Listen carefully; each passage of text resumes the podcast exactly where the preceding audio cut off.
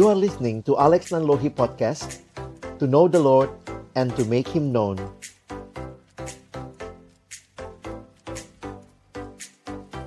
Mari kita berdoa sebelum kita membaca merenungkan firman-Nya.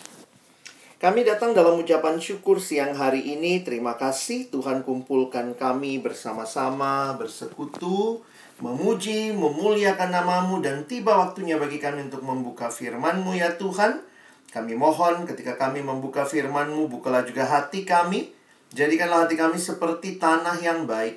Supaya ketika benih firman Tuhan ditaburkan, boleh sungguh-sungguh berakar, bertumbuh, dan juga berbuah nyata di dalam hidup kami. Berkati hambamu yang menyampaikan, setiap kami yang mendengar, Tuhan tolong kami semua.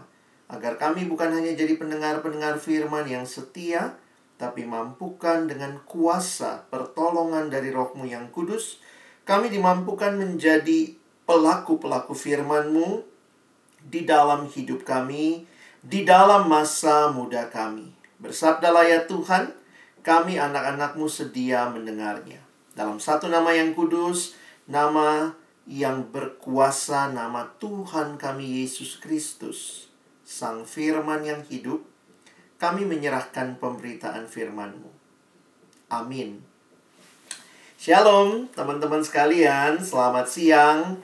Saya bersyukur buat kesempatan boleh sharing firman Tuhan hari ini. Dan bulan ini secara khusus juga kita masuk dalam kesempatan uh, pelayanan siswa se-Indonesia kita berdoa bersama untuk banyak hal ya. Nanti kita juga uh, kalau teman-teman ikut di uh, Instagramnya uh, Student Fellowship juga ya. Uh, Persisten Bogor kalian sudah lihat gitu ya. Itu sudah kita lakukan di dalam bulan ini. Nah, saya ingin share screen sebentar. Tunggu ya. Alex coba share satu presentasi buat kita siang hari ini. Nah, kita akan melihat tema yang diberikan untuk kita yaitu Youth of Nation. Kenapa kita bahas tema ini? Saya pikir kita terus harus ingat dan sadar ya bahwa kita ada di tanah air Indonesia. Mana yang menjadi bagian kita kita harus melihat juga bahwa tidak kebetulan tentunya Tuhan hadirkan kita di negeri yang luar biasa ini. Ya, ada banyak hal yang kita lihat di sana sini, keberagaman yang ada di bangsa kita, tapi juga kita sadar ya ada begitu banyak hal hal-hal yang belum berjalan sebagaimana mestinya. Tapi ini jadi panggilan kita Khususnya bagi kalian orang-orang muda, tema kita bilang hari ini Youth of Nation. Ngapain ada orang muda di bangsa ini? Teman-teman dari data terakhir kita melihat bahwa jumlah orang muda di Indonesia termasuk besar di dunia ya. Kalau kita lihat sebenarnya jumlah usia produktif itu sampai 65% di Indonesia. Nah, dan sebagiannya lagi adalah orang-orang yang ada di usia-usia seperti teman-teman sekalian.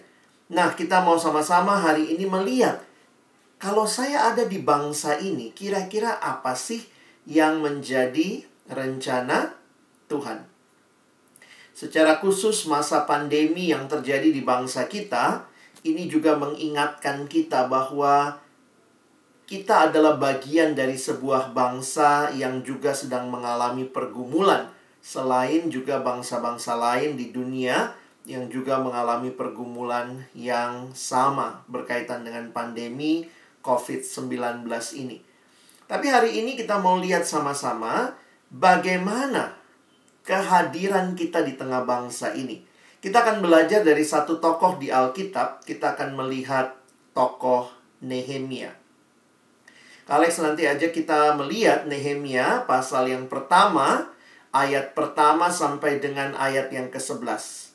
Kita akan membacanya bagian per bagian, jadi nanti Kak Alex akan ajak teman-teman untuk lihat mulai dari ayat 1 dulu. Kita akan lihat sampai ayat yang keempat. Ya, Nehemia 1, ayat 1 sampai ayat yang keempat. Saya akan bacakan bagi kita. Riwayat Nehemia bin Hakhalia pada bulan Kislu tahun ke-20 ketika aku ada di Puri Susan.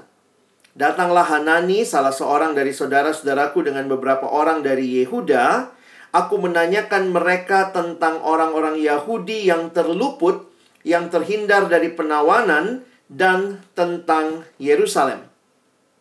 Kata mereka kepadaku, Orang-orang yang masih tinggal di daerah sana yang terhindar dari penawanan ada dalam kesukaran besar dan dalam keadaan tercela. Tembok Yerusalem telah terbongkar dan pintu-pintu gerbangnya telah terbakar. Ketika ku dengar berita ini, duduklah aku menangis dan berkabung selama beberapa hari. Aku berpuasa dan berdoa kehadirat Allah semesta langit. Nah, kita lihat sampai sini dulu, teman-teman yang dikasihi Tuhan. Kalau kita mencoba memahami, mengenal siapa Nehemia, Nehemia waktu itu lagi ada di mana, emang apa sih kondisinya, kok tiba-tiba dia nangis, dia berkabung. Yuk kita lihat sama-sama ya. Kita mulai dengan ayat 1. Dikasih tahu sama kita di dalam bagian ini, ini adalah riwayat Nehemia bin Hakhalia. Kalau bin itu berarti anak ya. Jadi dia anak dari Hakhalia, bapaknya si Hakhalia. Nama Nehemia sendiri berarti the Lord comforts. Tuhan menguatkan. Dan saya pikir inilah yang juga melalui hidupnya Nehemia dia lakukan. Dia alami apa artinya Tuhan adalah Tuhan yang menguatkan dan juga Tuhan memakai dia untuk menguatkan orang-orang di zaman itu. Pada waktu itu dikatakan tadi ada kalimat ini ya, ketika aku ada di Puri Susan. Di mana itu? Susan adalah kota besar di tanah Babel. Jadi Nehemia ada di Babel sebagai keturunan orang Israel yang dibuang ke tanah Babel pada tahun 586 BC atau sebelum Masehi. Jadi pada waktu itu Nehemia ada di Puri Susan dan kalian bisa melihat saat itu nanti kalau baca ayat 11 dia jadi juru minuman raja. Ini satu posisi yang tinggi sebenarnya ya. Orang yang dipercaya jadi juru minuman raja. Ini sebuah jabatan yang penting dan berpengaruh sebuah posisi luar biasa yang dicapai orang Israel di negeri asing. Teman-teman, ini jadi hal yang menarik untuk kita lihat latar belakangnya. Jadi, ini bayangannya kalau kita coba menempatkan diri jadi Nehemia, anggaplah begini. Nehemia ini orang Indonesia, misalnya gitu ya. Tetapi waktu peristiwa ini terjadi, yang dia ada di Puri Susan itu sedang ada di luar negeri, teman-teman ya. Jadi bayangkan, coba lihat petanya. Jadi Nehemia kan dari Yerusalem tuh, sebelah kiri ya. Tapi pada waktu itu dia ada di Puri Susan. Nah, itu bahasa Inggrisnya tuh Puri Susa ya. Kota Susa itu itu yang di kanan. Itu jaraknya dari Yerusalem ke Babel, ke Susa, itu kira-kira seribu mil. Wow, itu cukup jauh teman-teman ya, seribu mil. Pada waktu itu Nehemia ada di Babel karena Tuhan membuang bangsa Israel ke Babel karena kejahatan mereka. Tuhan buang mereka ke Babel dan mereka ada di Babel untuk 70 tahun. Nah, pada waktu itu Nehemia ada di Babel. Dan waktu dia tanya kondisi kampung halamannya. Nah, jadi bayangkan ya, kalau misalnya kamu di luar negeri, tiba-tiba di sana kamu udah hidup nyaman, makmur, aman begitu ya. Tiba-tiba ada kabar dari Indonesia. Kamu tanya gitu, gimana kabarnya? Aduh, Indonesia lagi carut marut. Waduh, Indonesia gedung-gedungnya hancur. Aduh, Indonesia ini sedang berada dalam kesukaran besar. Kira-kira itulah gambarannya yang terjadi pada waktu itu. Teman-teman, apa sih tembok? Pada masa itu, semua kota yang kokoh itu punya tembok. Karena tembok merupakan pertahanan bagi sebuah kota di masa lampau. Jadi kalian bisa bayangkan sebuah kota tanpa tembok itu seperti kota yang tanpa pertahanan. Jadi bait Allah dapat dengan mudah diserang, kehidupan masyarakat dan kehidupan agama terancam. Jadi pada waktu itu kota Yerusalem itu dikelilingi tembok. Kalau kalian pergi ke Israel sekarang, ke kota Yerusalem, masih ada itu ya penggalian dari sisa temboknya ya. Kira-kira kalau kalian bisa bayangkan seperti inilah tembok yang mengelilingi kota Yerusalem dan bait suci ada di tengah itu di atas ya. Nah, apa yang menarik buat saya perhatikan adalah ketika Nehemia mendengar bahwa kota leluhurnya ternyata sudah mengalami berbagai kehancuran. Bayangkan kota temboknya bolong, pintu gerbangnya terbakar, itu sama dengan kota tanpa perlindungan. Karena itu perhatikan ayat yang keempat bagi saya ini menarik sekali. Ketika ku dengar berita ini duduklah aku menangis dan berkabung selama beberapa hari. Aku berpuasa dan berdoa kehadirat Allah semesta langit mendengar kabar kampung halamannya. Hati Nehemia begitu berduka, teman-teman. Kalau kita pikir-pikir, Nehemia itu udah nyaman. Nehemia udah nyaman, ada di negeri asing, walaupun itu di pembuangan, tetapi perhatikan Nehemia dapat kedudukan yang tinggi. Jadi bisa saja teman-teman, Nehemia ngomongnya gini ya, ya sudahlah, aduh kasihan sekali ya kampung halamanku, aduh kasihan sekali tanah leluhurku, ya sudah urusan mereka, urusan mereka. Lagian saya ini seribu mil dari sana, it's too far, kejauhan gitu ya. Tapi bagi saya ini menarik. Buat Nehemia, identitasnya sebagai bangsa Yahudi, umat pilihan Allah. Menolong dia untuk kemudian ikut masuk. Nah, Kak Alex pakai istilah ini ya. Nehemia itu melibatkan diri dalam pergumulan bangsanya. Saya ingin siang hari ini teman-temanku, adik-adikku, para siswa belajar apa artinya youth of nation. Kalau kalian mau jadi orang muda di tengah bangsa ini, ini sikap pertama yang bisa kita teladani dari Nehemia. Maukah engkau melibatkan diri dalam pergumulan bangsamu? Nehemia ada di tempat lain, jauh dari bangsanya, bahkan dia hidup nyaman di sana. Tetapi mendengar kehancuran Yerusalem, orang-orang yang tinggal di sana, pintu gerbang yang terbakar, tembok-tembok yang bolong, dia datang dan dia bawa pergumulannya dia melibatkan diri dalam pergumulan bangsanya. Jadi ini yang pertama ya. Nah jujur aja Kak Alex agak takut ini ya. Kenapa? Kalau lihat orang muda, anak remaja, anak siswa, peduli nggak ya sama bangsa ya? Jadi kan kepedulian itu sebenarnya kita melibatkan diri. Misalnya kalau kita baca berita, kita masih punya kepekaan nggak ya? Atau jangan-jangan kita bilang ya sudahlah, yang penting kan bukan aku ah jauh lah dari dari Bogor gitu ya. Ah jauh lah dari Bogor dan sekitarnya dari Cibinong dan sekitarnya. Ah itu kan di Jakarta. Tetapi ada dalam sebuah bangsa ini jadi pertanyaan bagi kita semua.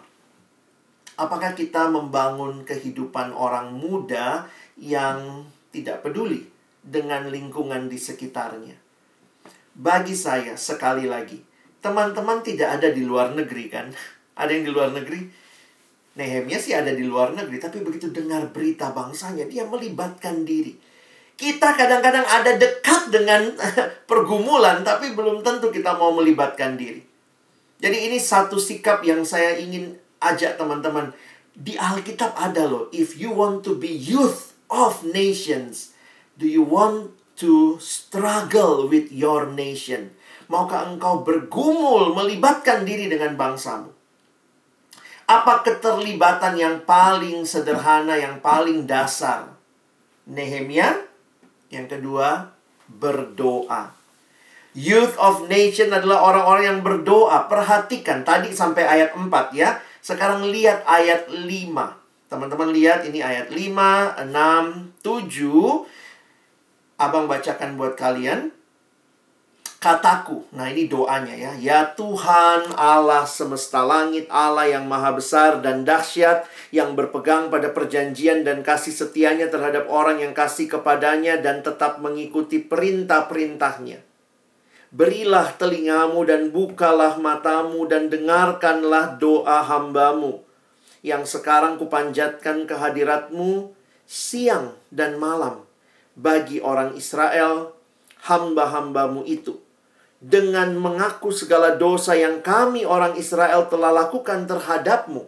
Juga aku dan kaum keluargaku telah berbuat dosa.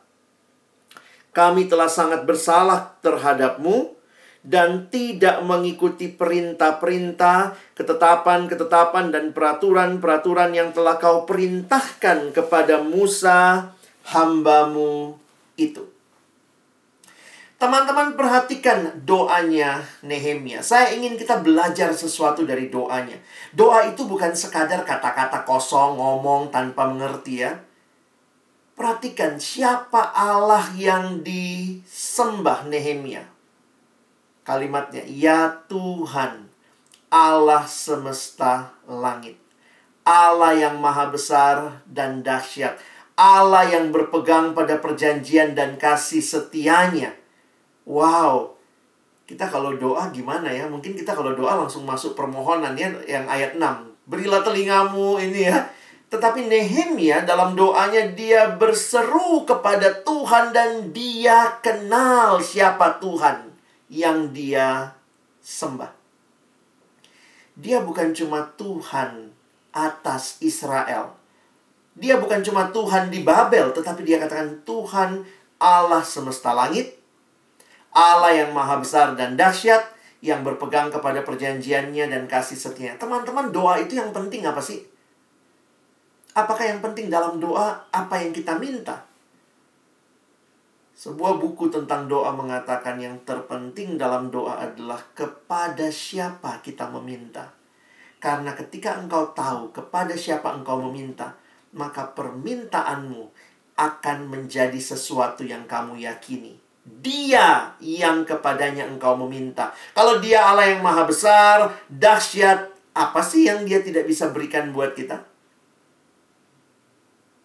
Jadi, kalau abang melihat di sini yang pertama, Nehemia mengenal siapa Allahnya. Tapi yang kedua, kalau nanti teman-teman perhatikan ya, Nehemia juga mengaku dosanya. Ya, dia mengaku dosanya, dosa keluarganya, dan dosa bangsanya. Coba kita lihat lebih jauh ya. Nehemia mengenal siapa Allahnya. Nehemia berpegang kepada Taurat Tuhan, kasih setia Allah. Nehemia tahu bahwa Allah mengasihi, memberkati mereka yang berpegang pada perintah Allah. Dan sebaliknya, Allah menghukum mereka yang melanggar perintahnya. Karena itu, kalau lihat pengakuan dosanya ya, sebenarnya balik lagi teman-teman. Nehemia adanya jauh dari Yerusalem. Tetapi dia sadar kehancuran yang dialami itu adalah bagian dari dosanya dia juga. Kadang-kadang kita susah ya, belum tentu orang mudah merasa itu bagian dosanya dia. Ketika dunia, kalau kita lihat sekarang ya, alami apa? Global warming. Apakah kita sadar juga itu bagian dari dosa kita?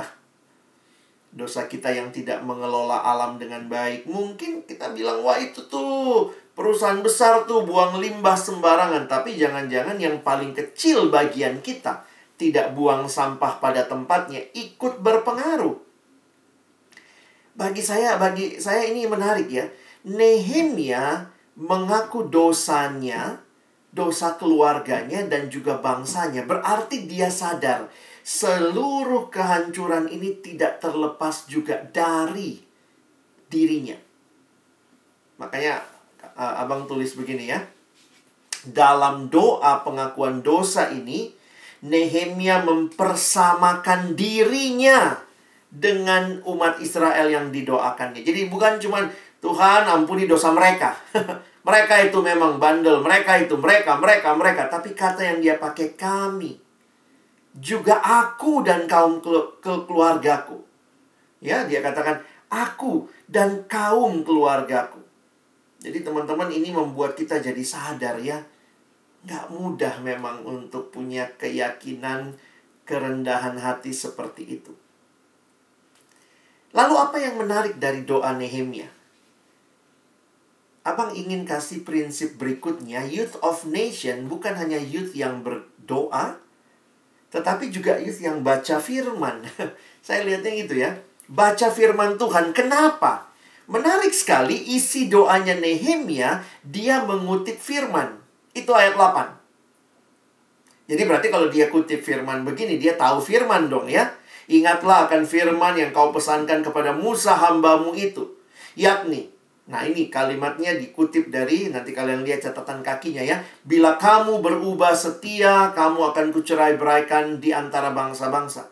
Tetapi bila kamu berbalik kepadaku dan tetap mengikuti perintah-perintahku, serta melakukannya, maka sekalipun orang-orang buanganmu ada di ujung langit, akan kukumpulkan mereka kembali dan kubawa ke tempat yang telah kupilih untuk membuat namaku diam di sana. Bukankah mereka ini hamba-hambamu dan umatmu yang telah kau bebaskan dengan kekuatanmu yang besar dan dengan tanganmu yang kuat? Teman-teman, Nehemia tahu firman Tuhan, dia tahu janji Tuhan dan dia pegang janji Tuhan. Makanya Kak Alex tulis gini ya.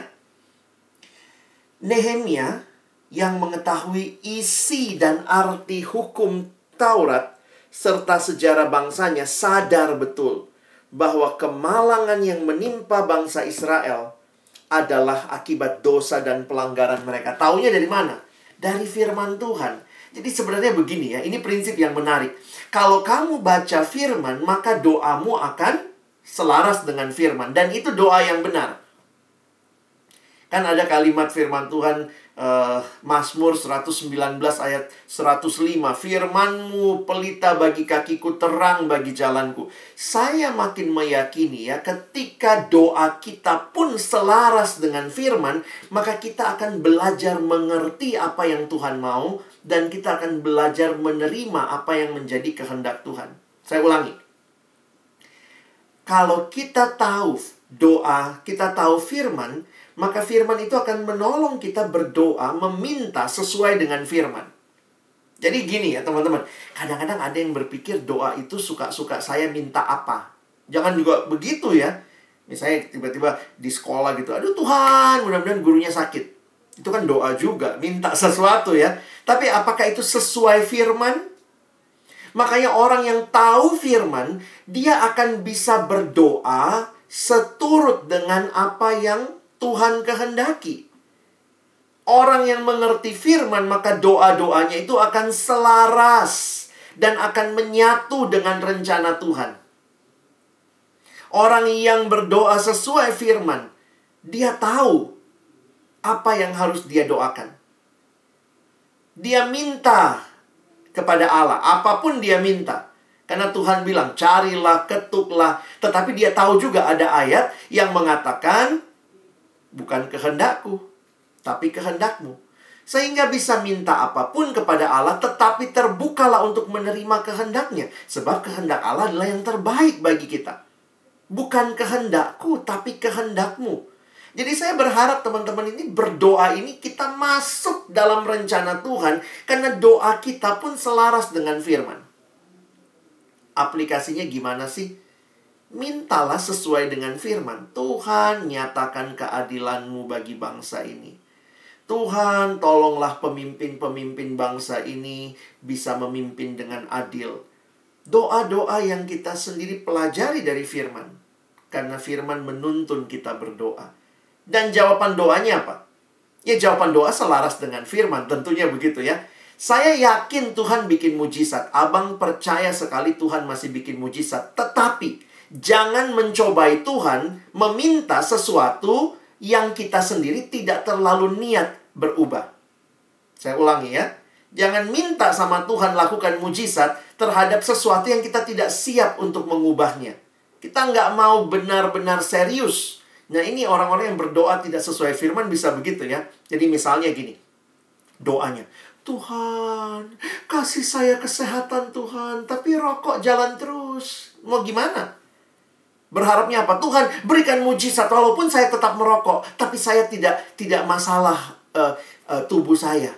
Itu namanya mencobai Tuhan. Doa yang selaras dengan firman. Ketika engkau dan saya meminta dan ketika kita meminta, kita pun sadar apa yang kita minta. Makanya Bapak Timothy Keller dalam bukunya, dia tulis buku agak tebel teman-teman ya. Judulnya Prayer ya, tentang doa.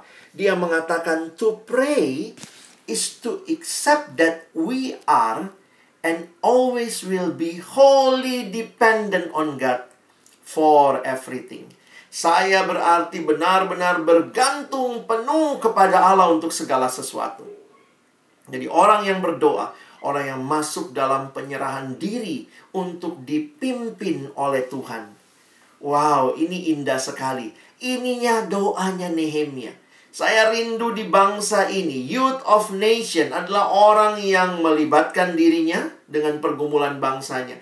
Orang yang berdoa, tetapi juga orang yang baca firman supaya doanya tidak aneh-aneh.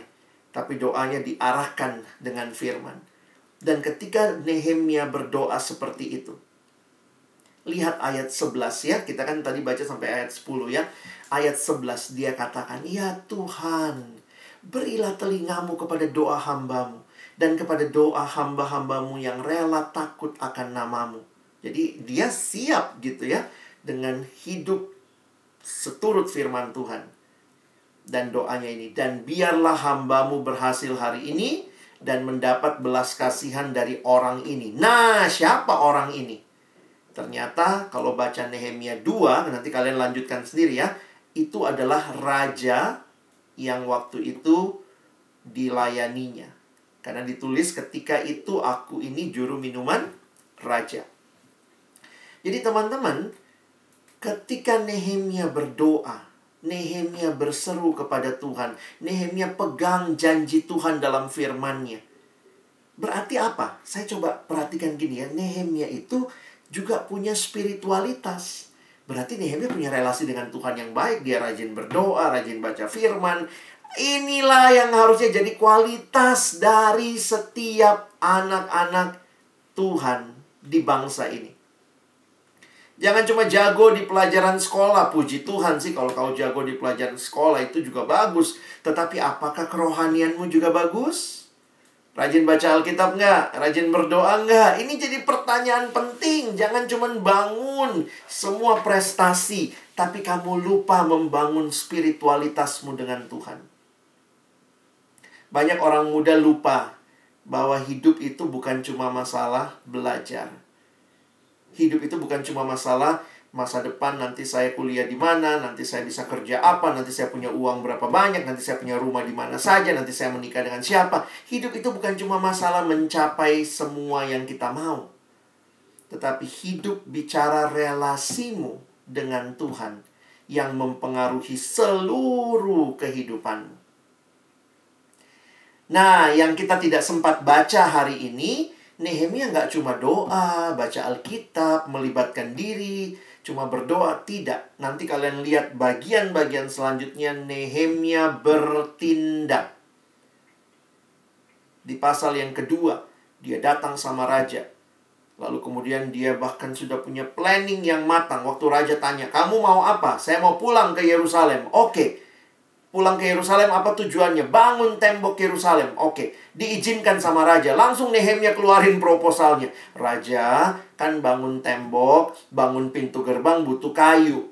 Raja tolong ya, minta dong surat pengantar ambil kayu dari istana, dari kebun istana. Wah, Nehemia sudah punya planning teman-teman. Dan waktu dia tiba di Yerusalem, dia lihat semua itu ya. Planningnya dia lakukan dengan baik. Sehingga kalau kalian perhatikan, temboknya ini luas teman-teman ya. Itu tembok Yerusalem tuh ini tembok kota ya. Walaupun ini kota di masa lalu, tidak sebesar kota sekarang, tetapi temboknya tetap aja cukup besar. Bayangkan tuh tembok ini ya, nanti kalau kalian pelajari di pasal 3, nanti semua orang Nehemia tuh ahli manajemen, dia tempatin kamu di sini, kamu di sini. Jadi semua orang ada bagiannya. Nehemia tuh bukan superhero, pahlawan se sendiri. Tidak, dia libatkan semua orang untuk membangun. Dia bertindak, teman-teman. Dan dia tidak bertindak sendiri. Dia melibatkan semua orang dan Alkitab mencatat. Ini hebat luar biasa ya. Dicatat apa? Nehemia 6 ayat 15. Maka selesailah tembok itu pada tanggal 25 bulan Elul dalam waktu 52 hari. Wow, bagi saya ini luar biasa. Baik, hari ini kita sama-sama belajar ya. Alex ingin refleksikan beberapa hal untuk kita ingat. Kita ada di mana? Kita ada di bangsa Indonesia. Ingat itu, kita dipanggil di Indonesia. Teman-teman tidak sedang dibuang di Indonesia ya. Kita ditempatkan Tuhan. Tuhan punya rencana. Karena itu, Youth of Nation, sebagai orang muda di bangsa ini, empat hal ke Alex ingin, ingin kita ingat siang hari ini. Prinsip Youth of Nation. Libatkan dirimu dengan pergumulan bangsamu. Berdoalah kepada Tuhan. Akui kau juga bagian dari bangsa ini. Kita bagian dari bangsa ini. Kegagalan bangsa ini juga adalah kegagalan kita. Baca firman supaya doa kita terarah. Baca firman supaya kita mengerti kehendak Tuhan, selaras dengan kehendak Tuhan. Dan kemudian kita pun bertindak. Seringkali doa kita mungkin isinya apa? Diriku, diriku, diriku ya, jadi boro-boro. Karena begitu kamu melibatkan diri, sebenarnya kita sedang melakukan satu sikap hati yang bukan hanya untuk Tuhan saya bersyukur kenal pelayanan siswa, kenal persisten sejak saya siswa. Kak Alex juga dari siswa seperti kalian ya, ikut persekutuan. Dulunya saya cuma tahu berdoa untuk diri saya, keluarga saya, diri saya, keluarga saya, cita-cita saya, yang saya inginkan, saya, saya, saya, dan saya. Tetapi di persisten Kak Alex belajar, apa artinya melibatkan diri. Bahkan dalam pergumulan teman-teman, pergumulan rokris SMA lain, pergumulan kota yang lain, pergumulan bahkan orang yang bukan dekat dengan kita, tapi juga dalam bangsa kita. Akhirnya saya jadi sadar ya, doa itu bukan cuma masalah saya dan keinginan saya, saya butuh apa. Tetapi Tuhan tolong saya makin terbuka melihat betapa banyaknya bagian yang Tuhan mau juga kita masuk dan boleh jadi berkat kerajaan Allah. Kalau lihat siswa, keluarga, kota, bangsa, kerajaan Allah. Nah, teman-teman, saya berharap doa kita jangan melulu tentang diri kita ya. Nah, karena itu waktu kami menyusun ya, Kak Alex di tim nasional, kita menyusun hari doa siswa nasional. Berpikir keras, apa yang mau kita lakukan? Kita mau adik-adik siswa bersinar. Nah, itu tema uh, nasionalnya ya. Hari Doa Siswa Nasional temanya bersinar bersama siswa Indonesia berkarya. Kenapa? Siswa Indonesia yang kita rindu mau melibatkan diri. Melibatkan diri mulai dari mana? Mulai dari lingkungan paling kecil. Di mana kamu ditempatkan? Oh, di dalam keluarga. Karena itu, kita menyusun pokok doa hari doa siswa tahun ini menurut urutan ini. Kamu ada di keluarga, buat dirimu tentu ada yang namanya identitas ya. Identitasmu, keluargamu, kotamu, dan bangsamu. Makanya kalau teman-teman ikut berdoa, saya harap semua ikut berdoa ya. Minggu-minggu pertama kita doain apa? Aku dan diriku, aku dan identitasku. Nanti masuk minggu kedua, Aku dan keluargaku. Terus tentang keluarga semingguan. Minggu ketiga. Aku dan kotaku. Jadi bayangkan ya kita melibatkan diri dari keluarga, diri kita, keluarga, kota, bahkan sampai minggu terakhir ini, sampai nanti tanggal 31, kita berdoa untuk bangsa kita. Nah, kalian bisa ngerti nggak ya siapa yang ikut doa tiap hari ini? Mulai dari tanggal 1 sampai tanggal 31. Kerinduan Kak Alex adalah kita sadar betul. Kita dipanggil Tuhan. Pemuda-pemudi di bangsa ini. Untuk melibatkan diri. Mulai dengan doa. mulai juga dengan baca firman dan bertindak. Pertindakan yang bisa kita lakukan sesuai dengan apa yang Tuhan percayakan dari hal yang paling kecil. Tapi semuanya ini sebenarnya sedang membawa engkau dan saya. Kita perlu meyakini bahwa Tuhan punya rencana bagi setiap kita di dalam kondisi Indonesia saat ini dan Tuhan mau melibatkan kita di dalamnya. Bagaimana dengan saudara? Saya tidak tahu apa yang muncul di hatimu. Tetapi ada seorang siswa ketika dia baca pergumulan kotanya. Mulai dia berdoa. Tuhan, pakai saya untuk boleh membangun kota di mana Tuhan tempatkan saya. Ada yang waktu baca kondisi bangsa, Tuhan tolong saya untuk bisa jadi berkat buat bangsa ini. Ada siswa yang membaca tentang pendidikan di Indonesia sehingga dia berdoa, Tuhan, jadikan saya sebagai pendidik. Tolong saya mau jadi guru supaya saya pun dipakai Tuhan membangun pendidikan di bangsa ini. Ada siswa yang baca tentang dunia hukum. Tuhan dunia hukum begitu bobrok. Tuhan pakai cita-citaku jadi sarjana hukum. Bukan untuk memperkaya diri. Tetapi kalau saya bisa masuk universitas yang terbaik, saya ingin bangun bangsa ini dalam bidang hukum. Ada yang berkata lagi, Tuhan, saya melihat betapa pentingnya orang membangun pertanian. Saya ada di Bogor, dekat ada kampus Institut Pertanian Bogor. Tuhan, saya pun mau jadi berkat di bangsa ini. Kalau saya dapat masuk kuliah di universitas yang Tuhan berikan, di Institut Pertanian Bogor kah, di universitas yang lain, Tuhan pakai saya untuk membawa perubahan sehingga saya tidak egois. Bukannya masuk kampus bagus, nanti saya kaya, kaya raya, semua buat saya, semua buat saya.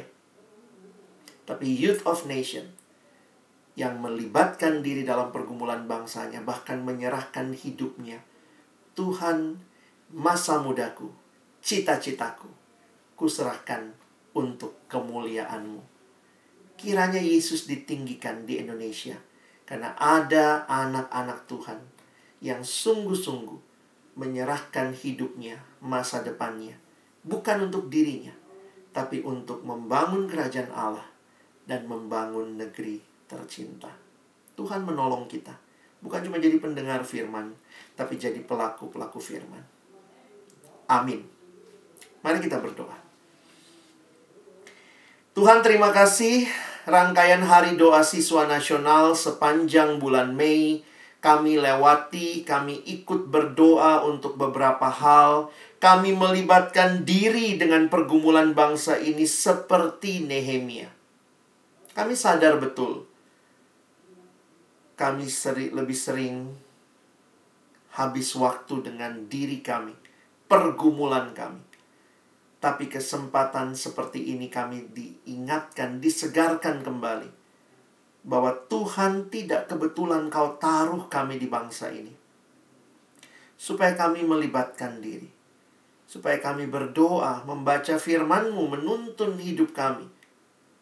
Dan akhirnya juga kami bertindak untuk membangun kerajaanmu dan juga membaharui negeri kami yang kami cintai ini. Terima kasih Tuhan.